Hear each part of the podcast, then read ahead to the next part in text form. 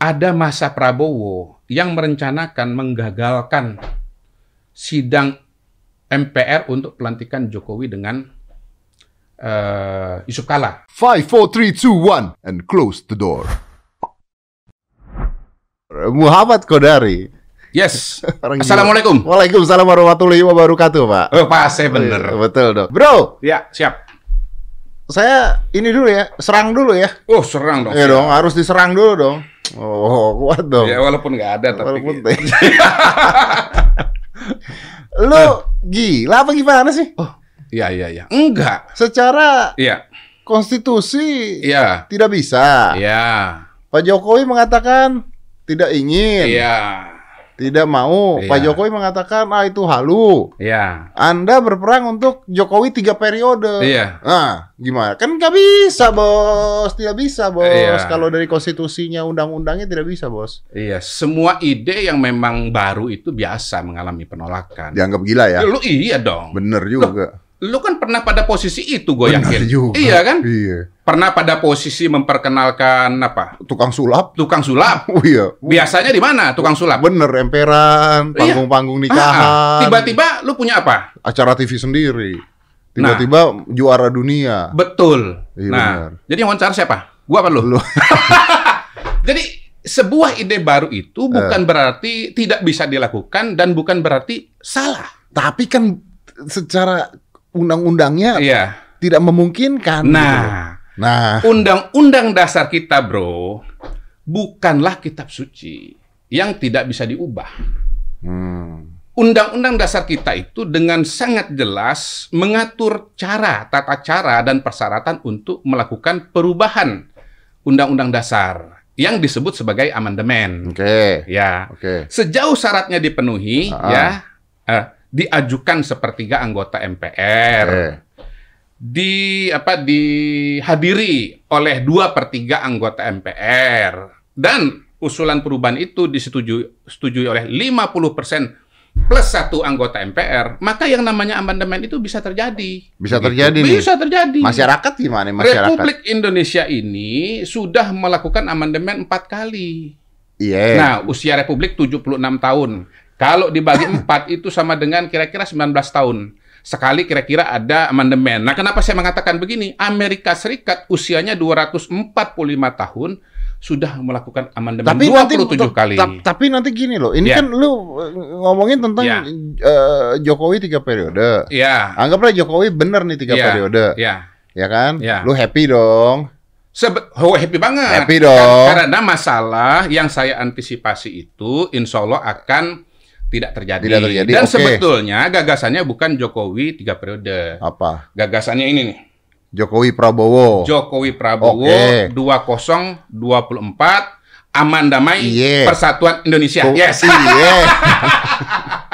Iya. Tapi setelah itu Tanya dong kenapa? Kenapa ini alasannya? Kenapa Jokowi Prabowo? Kenapa? Satu ya, bahwa kemarin uh, Pilpres Amerika Serikat tahun 2020 itu nyaris saja terjadi mm, Iya, tahu. pertumpahan darah. Iya, Kita tidak pernah membayangkan Ah, kenapa di Anda Amerika- mengatakan bahwa di Indonesia juga akan terjadi pertumpahan darah? Belum tentu kan kalau presidennya Oh. juga diganti. lebih baik lebih baik kita mengantisipasi sesuatu sebelum itu terjadi karena kalau itu Ah. sudah terjadi kita mau ngomong apa gitu loh kemarin di Amerika mati lima orang Tapi tahu dari mana kalau masyarakatnya juga akan setuju dengan pendapat nah lu? begini ya selesai dulu alasannya ya pertama Ah. pengalaman pilpres Amerika kemarin itu di mana polarisasi atau pe- pe- perpecahan itu telah membuat eh, calon yang biasanya tuh kalau kalah itu memberikan pidato kekalahan ini malah nggak hadir Hmm. Iya. dan menggerakkan masanya Iya, iya. untuk kemudian berusaha menggagalkan pengesahan itu Ah. satu.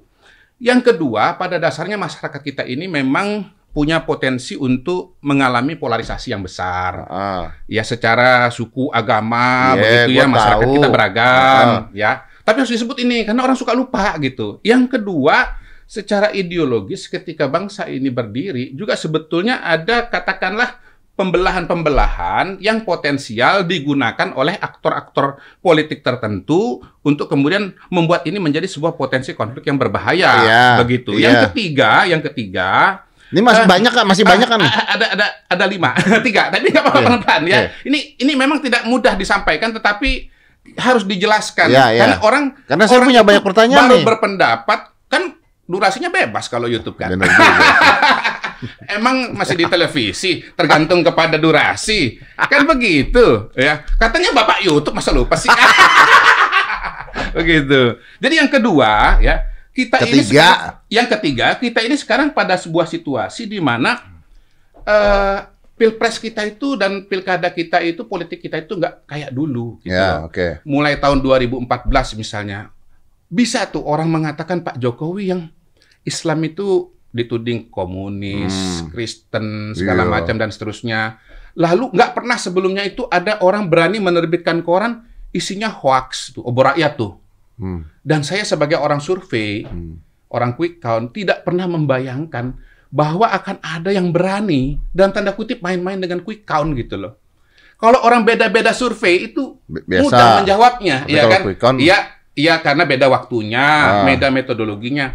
Tapi kalau quick count itu nggak bisa. Tinggal ditanya, kamu TPS-nya di mana? Ya. Kalau nggak bisa nunjukkan, itu berarti ngarang, Iya, bohong benar, dia. benar, yang benar, kedua, yang namanya opini itu bisa berubah. Pagi begini, pagi besok Ya begitu. kalau quick count nggak bisa. Ya, kalau quick count nggak bisa itu suara udah dicoblos. Benar, Tinggal benar. dicek di TPS yang jadi sampelnya itu berapa suaranya. Yang keempat nih. Begitu. Yang keempat, Gue yang baca, gue yang baca, gue mau, gue baca. Yang keempat apa? yang keempatnya adalah bahwa di apa ya di di zaman sekarang ini kita masuk ke zaman medsos. Hmm. Ada kelebihannya, ada keuntungannya. Ada kekurangannya. Ya, misalnya keuntungannya Jadi bisa ngetop banget kan kira-kira kan begitu Oh, kan. belum medsos sudah ngetop banget bos. Iya, semakin ngetop banget gitu ya. Dengan modal yang lebih sedikit.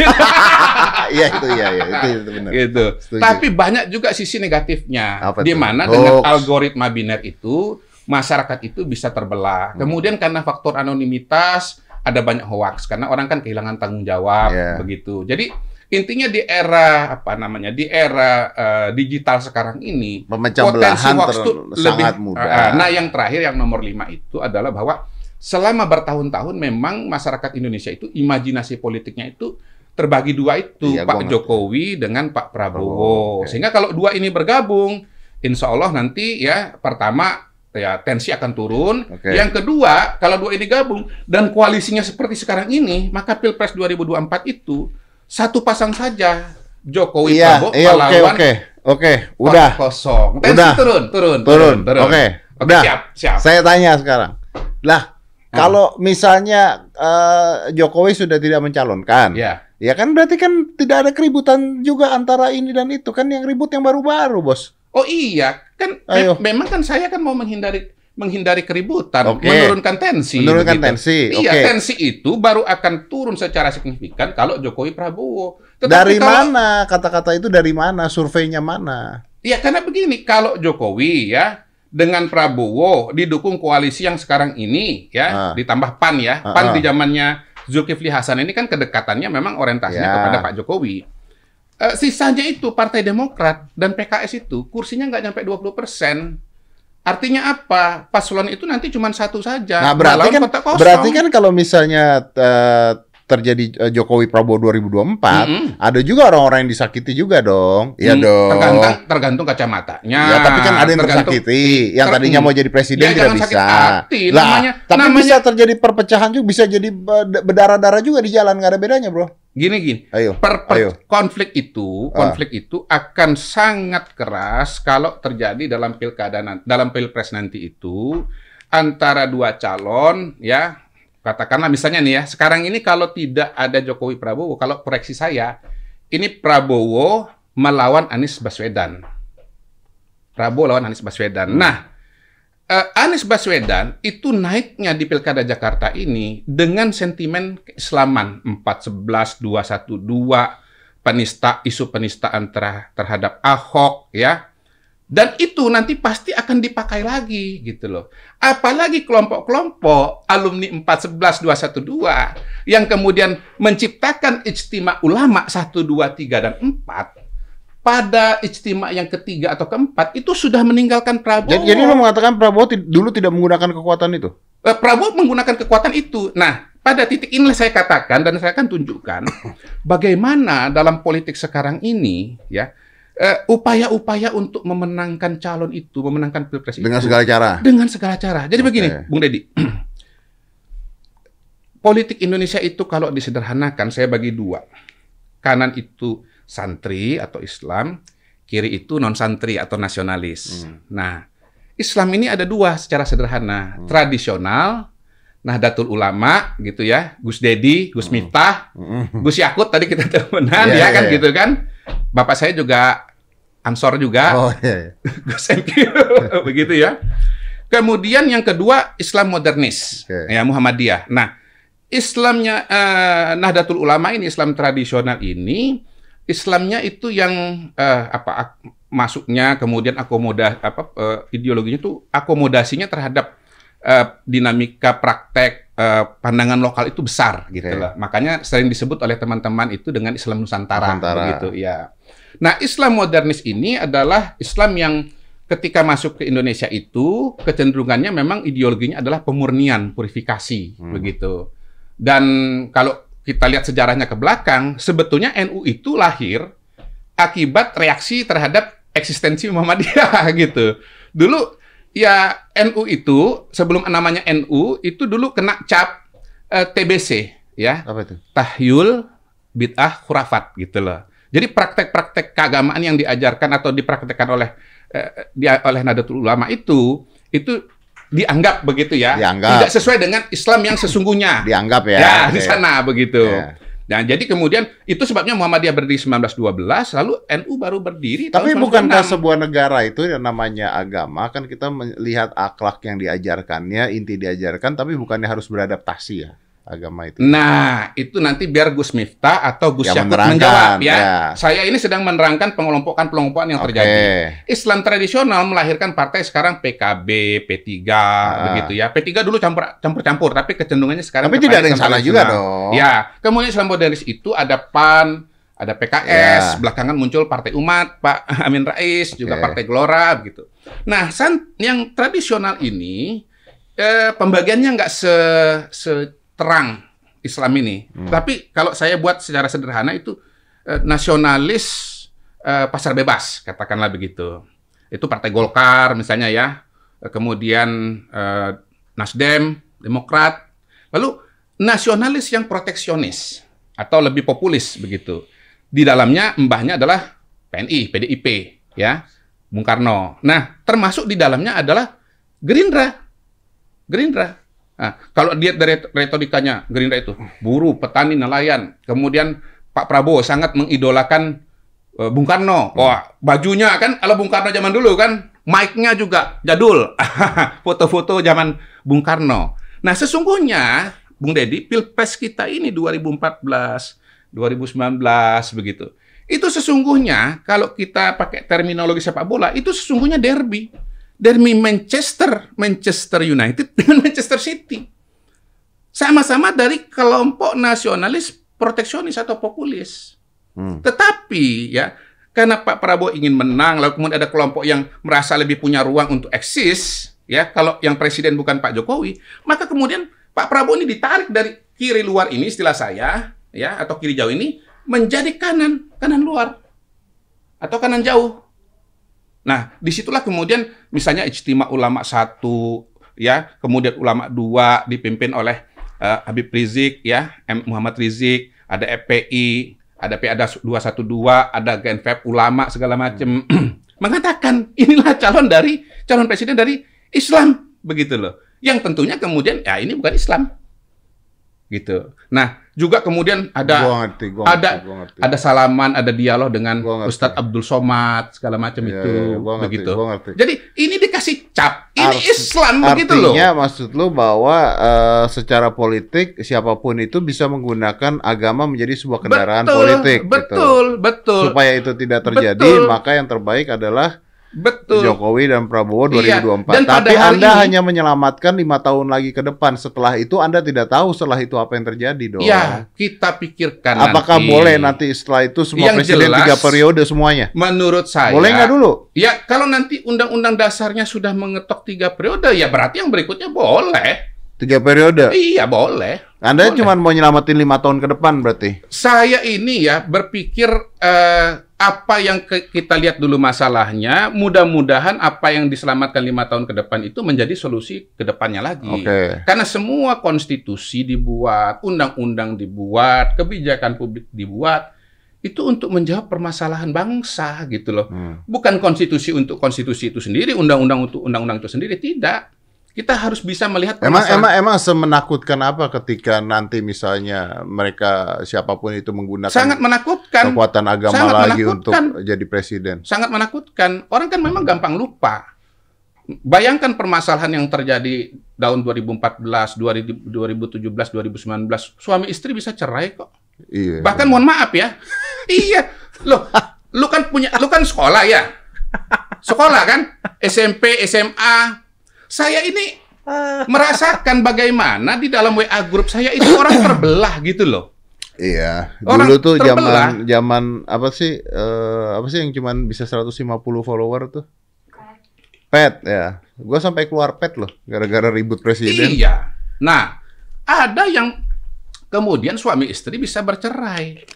Anak dengan bapak berantem, ponakan dengan paman apa namanya serang-serangan Iya, begitu betul, loh. betul, nah, betul. Kebetulan kebetulan ini kejadian kemarin. Ini saya surprise juga dibaca ini, tapi inilah Lu kenyataannya. bawa apaan sih banyak banget ke sini. Banyak dong. Iya. Kita kan harus mem- memberikan bukti. Apaan?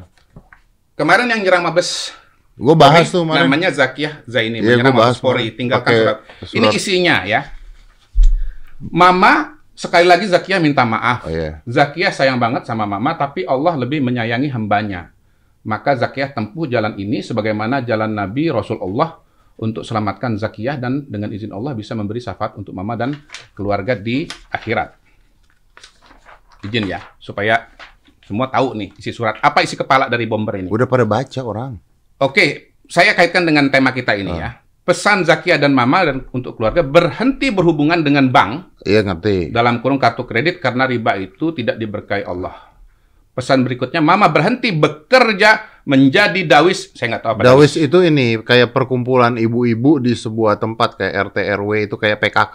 Oke. Kalau nggak salah. Anggaplah PKK ya. Ah. Kalau yang nggak salah, kalau nggak salah ya. kepentingan pemerintah Tohut. Jadi ibunya disuruh berhenti dari PKK.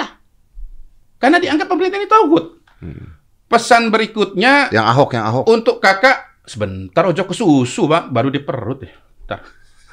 Pesan berikutnya untuk kakak agar rumah Cibubur jaga dedek dan mama. Ia kepada Allah dan tingkatkan penghasilan dari yang tidak sesuai ajaran Islam. Eh, dari yang tidak sesuai ajaran Islam. Jadi stop Ja- pekerjaan yang penghasilannya nggak Oke. sesuai dengan Ah. ajaran Islam. Serta tinggalkan kepercayaan kepada orang-orang yang mengaku mempunyai ilmu, dekati ulama ustadz, tonton kajian dakwah, tidak membanggakan kafir Ahok.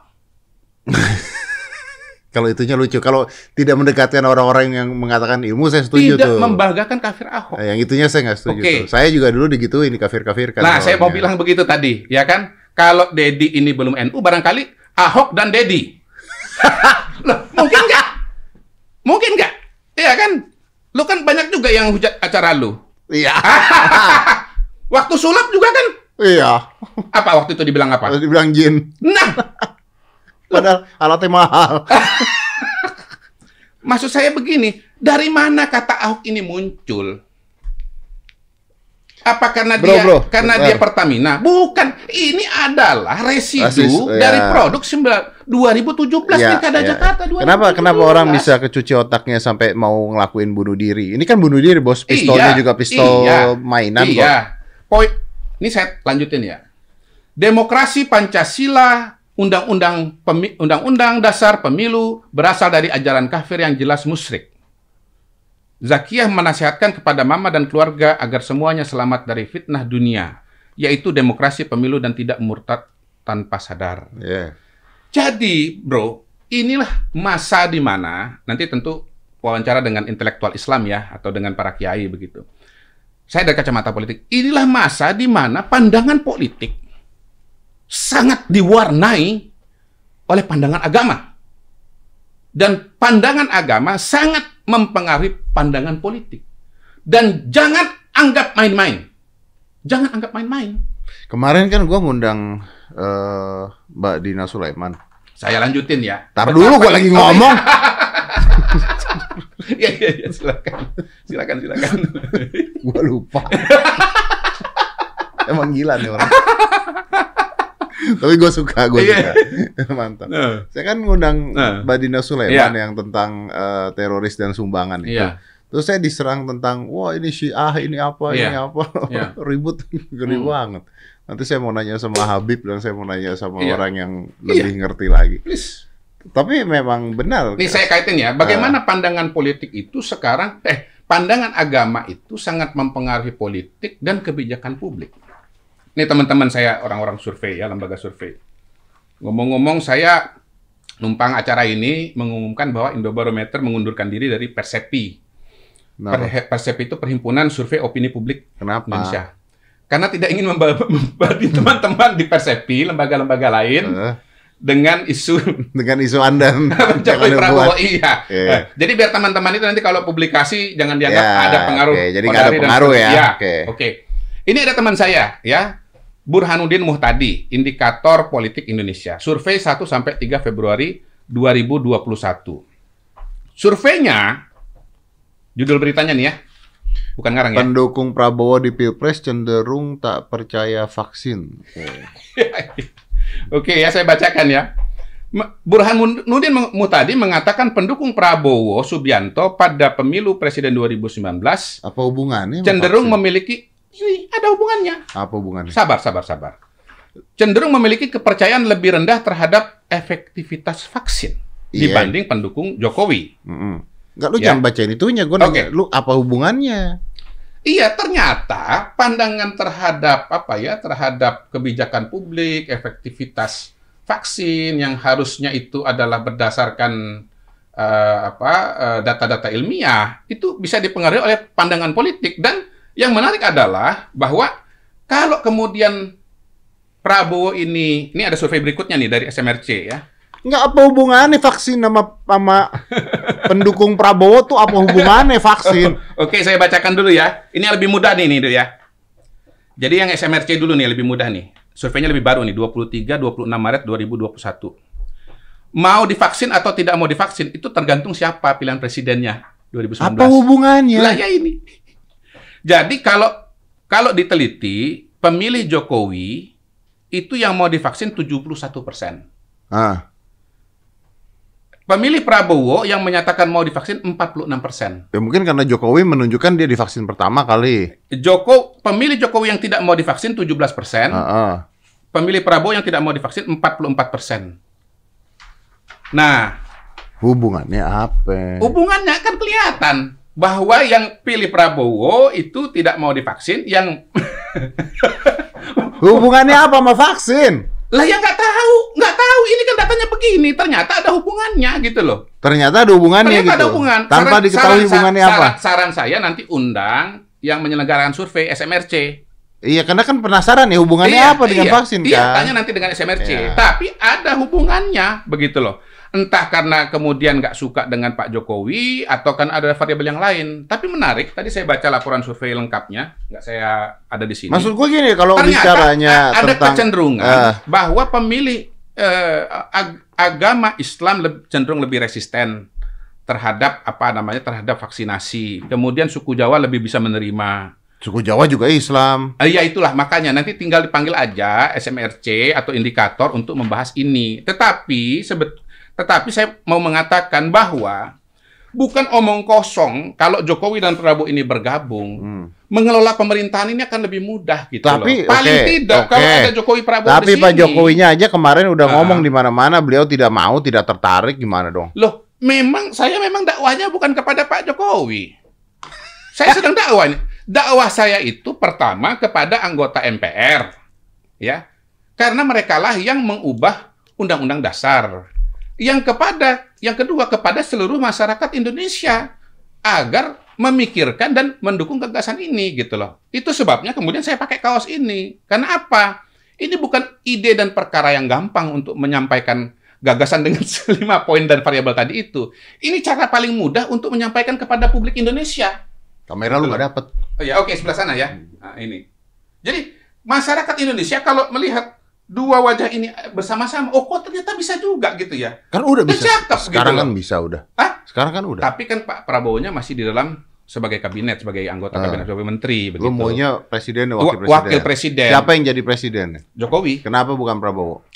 Karena ya yang sekarang paling bisa ya diterima dan mendapatkan dukungan paling luas dari seluruh eh, elit politik Indonesia ya adalah Jokowi begitu. Dan sampai sekarang kalau ditanya siapa yang paling ya apa namanya? yang paling banyak didukung oleh masyarakat Indonesia tetap Pak Jokowi. Memang kalau teman-teman survei kalau tidak ada Jokowi nomor satu bisa Prabowo, bisa juga ada yang Anies ya kayak misalnya indikator kemarin survei Hmm. orang muda ya Hmm. itu Anies. Tapi terakhir kemarin ada survei dari Carta Politika itu nomor satu Hmm. adalah Prabowo. Tapi ya kalau ada Pak Jokowi masih Pak Jokowi. Tahun lalu saya pernah survei baik pertanyaan terbuka maupun pertanyaan tertutup. Seingat saya SMRC eh, nggak tahu apakah survei yang Maret ini atau survei yang lain itu ada pertanyaan terbuka nomor satu masih Pak Jokowi. Nah kemudian ada temen tuh si Carta Politika tadi Yunarto Wijaya dia survei soal tiga periode ya soal tiga periode. Memang yang mengetahui apa yang yang mendukung apa yang men- yang menyetujui tiga periode itu baru 15 persen, 14 persen. Yang belum menyetujui, yang tidak menyetujui 61 persen. Jadi tunggu, kalau kalau seandainya Jokowi Prabowo 2024 Hmm. apakah masalah ini gue lompat ya. Ya, Kalau Jokowi Prabowo 2024 apakah masalah radikalisme, terorisme dan sebagainya bisa dihilangkan, bisa ditekan? bisa ditekan. Bisa ditekan. Karena dua tokoh paling populer, paling banyak didukung masyarakat Indonesia, satu. Kemudian partainya sama-sama besar. Sehingga nanti bisa mengeluarkan kebijakan-kebijakan yang yang sangat komprehensif ya dan juga memiliki dukungan politik yang sangat kuat untuk bisa mengambil kebijakan-kebijakan yang sangat-sangat katakanlah komprehensif untuk mengatasi masalah radikalisme dan intoleransi ini termasuk masalah polarisasi. Jadi memang ya kekuatan-kekuatan besar menurut lu ya. yang populer ya partai politik tokoh Ah. itu harus bergabung Ka- Oke oke. menghadapi musuh ini. Kalau gitu kalau kalau misalnya gagasan lu itu tidak terlaksana, ya siapa dong presiden yang paling asik? Eh, gua gak bilang asik ya. Pusing Saya ya. bicara kemungkinan-kemungkinan Ah. ya. Kalau bicara calon presiden itu pertama kita ngomong partai Oke. karena hanya bisa diajukan oleh partai politik. Ya. Partai politik ya melihat yang ada sekarang ya. Menurut saya yang hampir pasti maju calon presiden itu Prabowo Subianto karena kursinya besar, tinggal tambah partai menengah ya satu saja entah partai apa itu pasti udah bisa maju. Oke. Yang kedua, ya harus punya popularitas. Nah, Oke. pada hari ini yang punya popularitas itu di antaranya Prabowo. Karena itulah Prabowo punya partai, punya popularitas. Jadi, for sure Prabowo akan maju sebagai calon presiden kalau tidak ada Jokowi Prabowo. Oke. Nah, sekarang siapa lawannya? Lawannya siapa? Nah, ini bisa beda-beda ya. Kan Tapi menurut satu saya, nih, satu menurut kan. saya, Ah. menurut saya kemungkinan itu Anies Baswedan. Hmm. Kenapa Anies Baswedan? Ya surveinya ada yang dia nomor satu, ada yang dia nomor dua, ada yang dia nomor tiga, begitu ya. Eh, tapi menurut saya yang akan punya potensi mempertahankan bahkan meningkatkan elektabilitasnya itu adalah Anies gitu. Mas Ganjar, Kang Ridwan ya, yang sekarang ini juga naik-naik begitu. Ada kemungkinan elektabilitasnya bisa turun. Karena ya dengan adanya vaksin isu Covid barangkali tahun depan sudah hilang gitu. Ganjar Ridwan Kamil ini baru naik popularitasnya itu karena ada isu Covid. Karena itu media mewawancarai Gubernur Jawa Tengah, Gubernur Jawa Barat. Begitu Covid-nya nggak ada, exposure hilang gitu. Kalau Gubernur DKI Jakarta ada Covid nggak ada Covid tinggi terus. Kan nanti kan terus, habis misalnya. masa jabatannya beliau. Ah, beliau habis bulan Oktober 2022. Pendaftaran Pilpres diperkirakan itu pada bulan ah apa Nah, nih? tuh, survei. Ah, Anies ya. paling banyak dipilih jadi presiden didukung pemilih Prabowo Sandi. Iya. Nanti kita balik situ ya. Eh, Oke. Jadi Pilpres 2019 itu dilaksanakan pada bulan April. Pendaftaran calon presiden wakil presiden Agustus 2018. Nah, kabarnya karena ada pilkada serentak November 2024, KPU meng- menghitung mempertimbangkan bahwa pemilu legislatif dan pemilu presiden serentak itu maju dua bulan, bulan Februari. Artinya apa? Pendaftaran Pilpres nanti pada Juni 2023. Anies begitu selesai sebagai gubernur DKI Oktober 2022 justru akan mendapatkan momentum emas.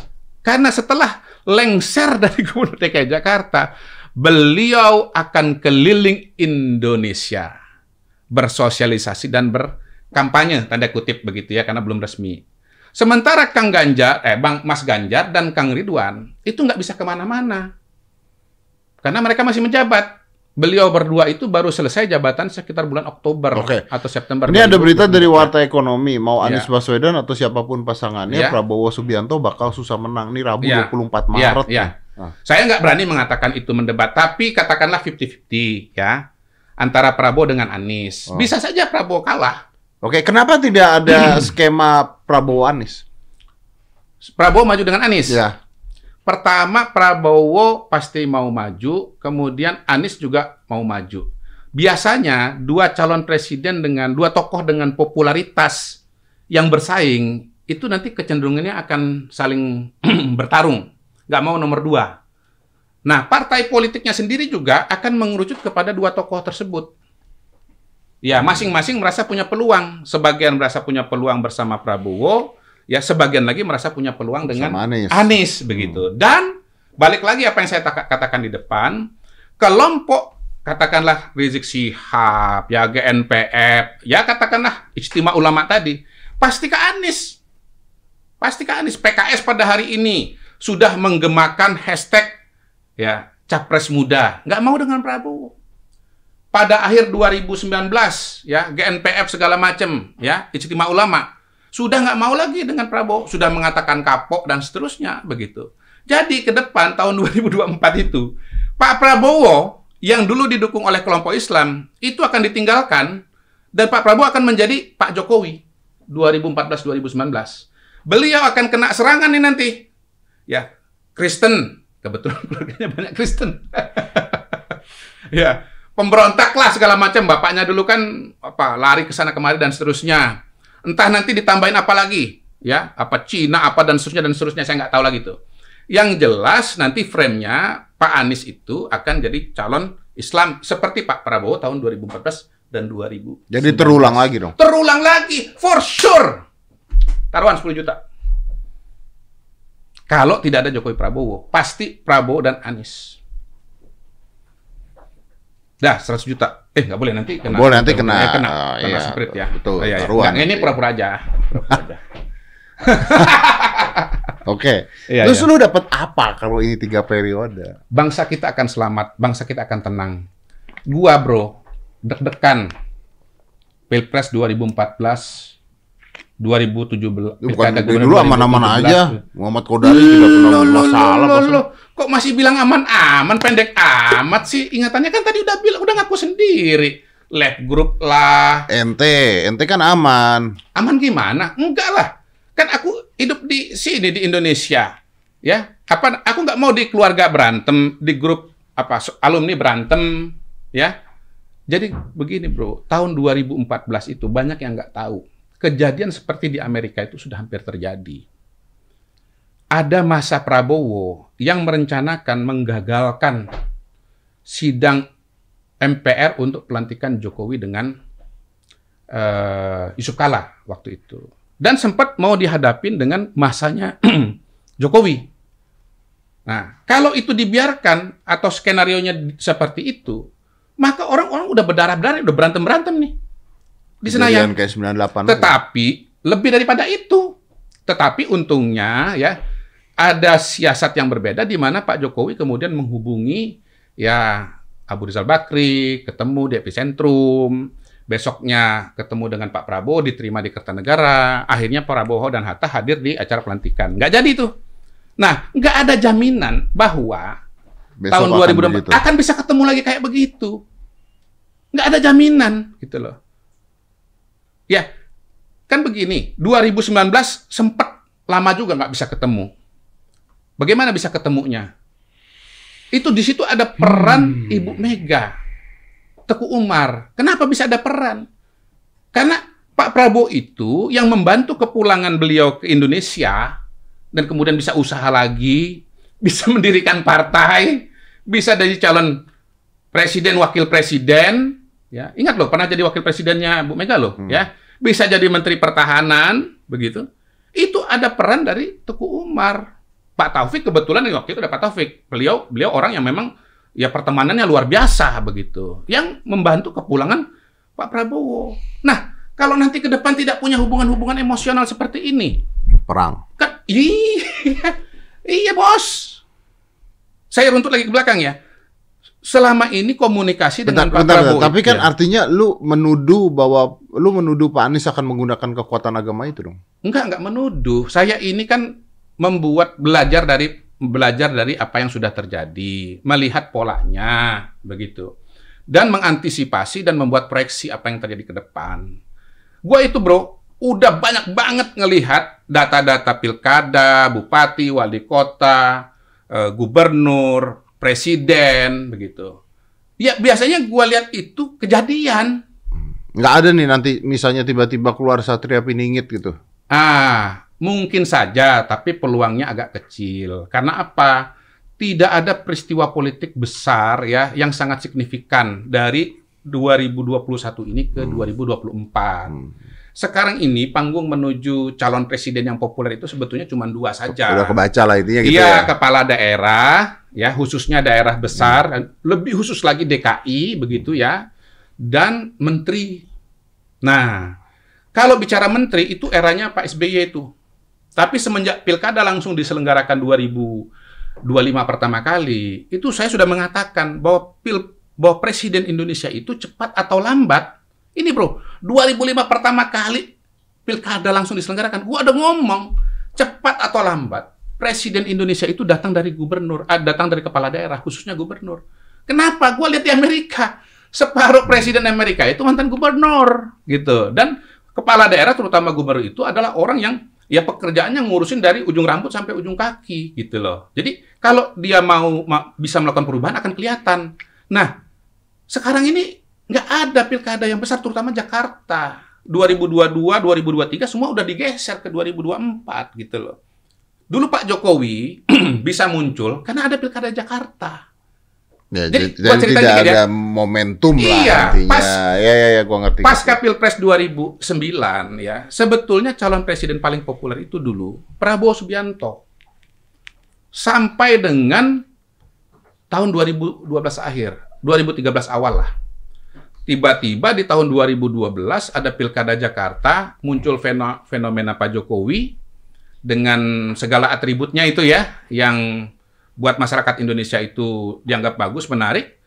Itu dalam waktu enam bulan, awal Maret, mungkin Maret ya, awal 2000, 2013, itu surveinya Ahok sudah, eh Jokowi sudah nomor satu gitu loh.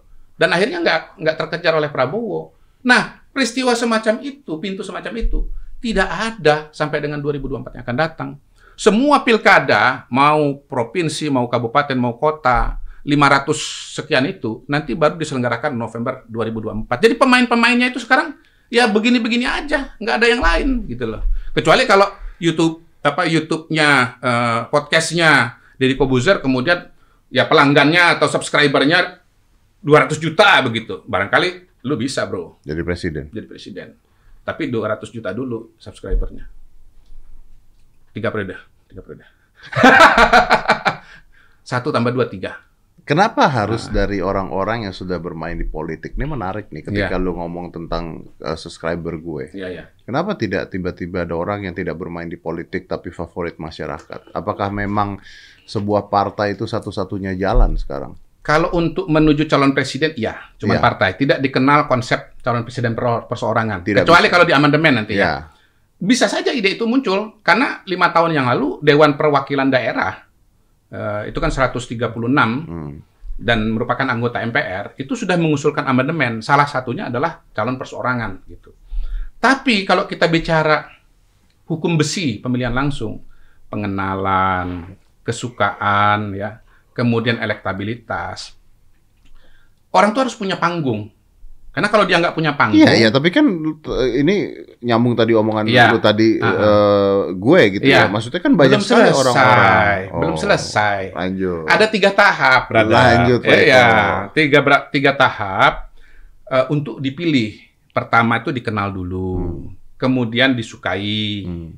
ya, kemudian baru dipilih gitu. Itu hukum besi pemilihan langsung. Atta Halilintar ya presiden. Ah, nah, biasanya ada problem pada nomor dua. Orang untuk dianggap untuk dipilih sebagai presiden itu harus dianggap punya eh, reputasi kompetensi sebagai pemimpin gitu. Hmm. Nah, itulah kemudian sebabnya seorang AHY misalnya ya, surveinya itu sulit mau naik banget gitu. Karena AHY oke, ketua Partai Demokrat, dia punya partai, ya, kalau Artinya istilah penga- saya, pengalamannya lah. Nah, pengalamannya nggak Oke. punya panggung dan tidak punya Oke. pengalaman. Nah, kemarin gue baca di salah satu komen eh, di YouTube yang ada Ya. lunya ada orang bilang gini, ini M Kodari nih Hmm. jelas-jelas nih pengen ngincer eh, kursi menteri. Nggak. Ada, bilang Nggak, ada. iya, ya ada. Ya kan jawab enggak kan Oh, begitu. Gua- enggak gitu. Gua enggak, gua enggak. Kenapa enggak? Ya, panggilan saya saya orang yang menyadari panggilan saya itu bukan di pejabat publik.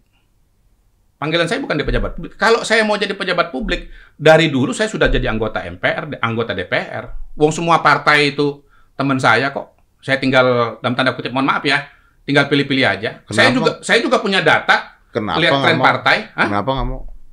Kan tiap orang kan punya panggilannya Ya masing-masing. panggilannya kenapa tidak mau ke sana? Saya orang yang pertama kepribadian saya sesungguhnya introvert ya. Orang introvert Introvert dari Sebenarnya. mana? Introvert. saya orang introvert yang punya keterampilan ekstrovert. Oh, Lo iya. introvert bro. punya keterampilan Oh ekstrovert. iya bro, gua ini bro ya, gua ini jadi host bisa, jadi narasumber apalagi. Oh, iya, gua udah pernah jadi host, diminta bukan gua yang minta ya. Gua, Padahal introvert gua nggak- ya? Gua nggak sebut TV-nya ya, Ah. inisial aja. TV ONE, ONE. Gua nggak sebut nama partai, nama TV-nya ya, Ya, inisial. TV One. TV One dong, bos. Diminta gitu loh. Mungkin dia nggak punya kemampuan, gua jalanin, tapi gua nggak enjoy, Hmm. gitu loh. Gua nggak enjoy. Anda enjoynya cuman di sini ngeruyuhin gua, aja gitu gua ya. ya, gua itu panggilannya satu Ah. riset. Dari zaman gua kuliah, gua udah menyadari minat gua di sana. Ah. Riset, menulis gitu. Makanya kayak bawa begini gitu. Gua itu ketua kelompok studi mahasiswa UI.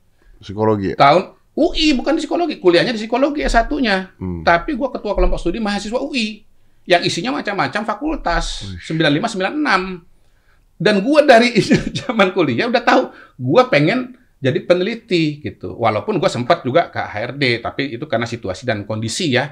Waktu itu harus bantuin orang tua gitu loh. Tapi begitu tugas membantu orang tua, Selesai. menyelesaikan adik-adik selesai sekolah semua, gua riset. Gua riset, bisa dicek. Gua ke ISAI, lalu gua mau masuk CSIS, tapi alhamdulillah dapat beasiswa, gua beasiswa dulu, sempat di CSIS, gua terus lembaga survei Indonesia, direktur riset pertama. Sejarah gua adalah sejarah riset gitu loh. Yang kedua, usaha. Gua juga dunia usaha gitu. Jadi intelektual, cum usahawan kan begitu. Kayak lu artis ya, eh, seniman tapi juga usahawan kan begitu. Sama kita bro, beda-beda tipis saja. Nah, Jadi intinya Jokowi Prabowo 2024 ini bukan mimpi ya. bukan, nggak ada mimpi.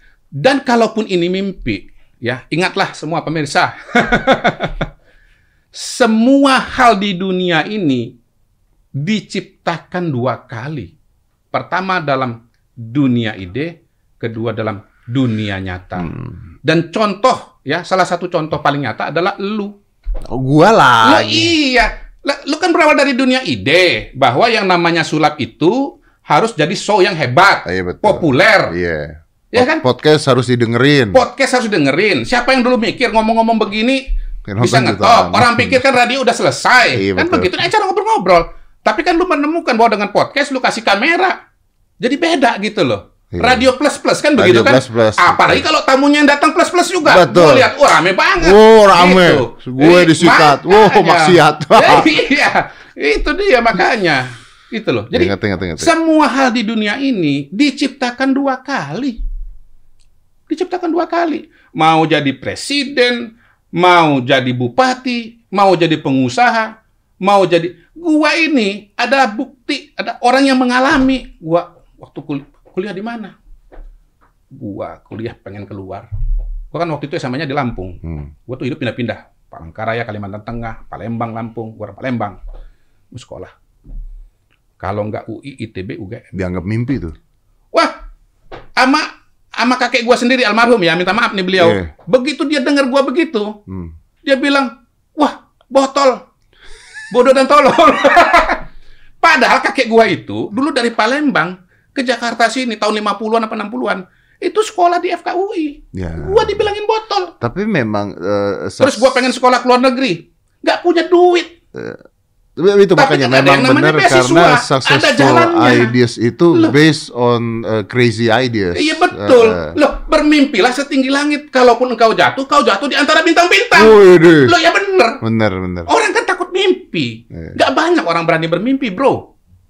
Mimpi aja dia takut. Habis itu ada orang berani mimpi. Mimpinya setinggi atap. Iya betul. Jatuhnya, Jatuhnya ke tanah. kasur. Sa- Iya, benar. Mending kasur. Jatuhnya ke tanah. Kita mimpi setinggi langit. Dan orang dapat beasiswa itu. Salah satu triknya juga nih teman-teman yang nulis melamar beasiswa. Kasihlah cita-cita yang paling tinggi. Kenapa? Orang orang yang ngasih beasiswa itu pengen lihat lu tuh hebat gitu loh. Mau jadi apa? Lihat, kalau ngasih sama orang biasa-biasa aja ngapain? Iya benar. Loh, pemberi beasiswa dari luar negeri, Australia, Inggris, Amerika. Emang dia kasih beasiswa gitu aja? Ya enggak dong. Dia pikirannya kan panjang. Gua kasih beasiswa sama orang ini, 10-20 tahun lagi dia jadi orang hebat di negaranya. Karena dia sekolah di tempat gua, ya. Di kan pikirannya pasti positif. Benar. Ngerti negara. Gitu dong, Bro. Iya buat promo Loh, juga.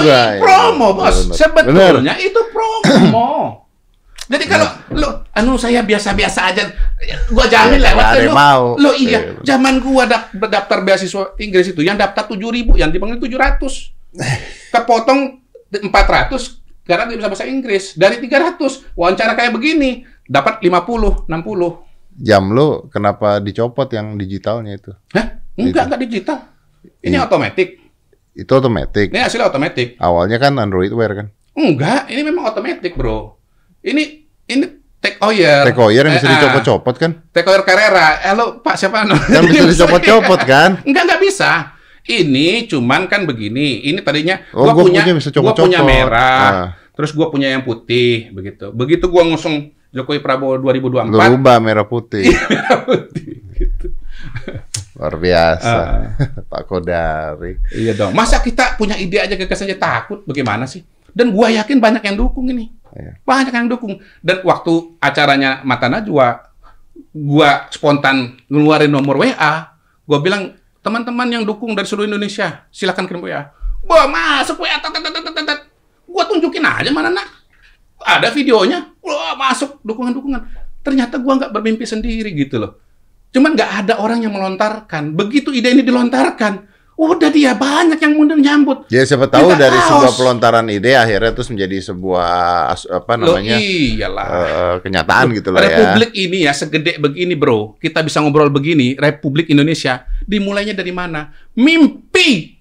Ya. Mimpi Bung Karno, mimpi Bung Hatta, mimpi Sahrir, mimpi Tan Malaka.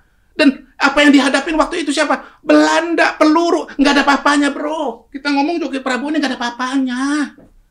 Loh, ya, bikin negara segede Indonesia ini aja. To make this country, this is impossible country, bos. Yes. But Orang Jawa, happen. Batak, kok bisa?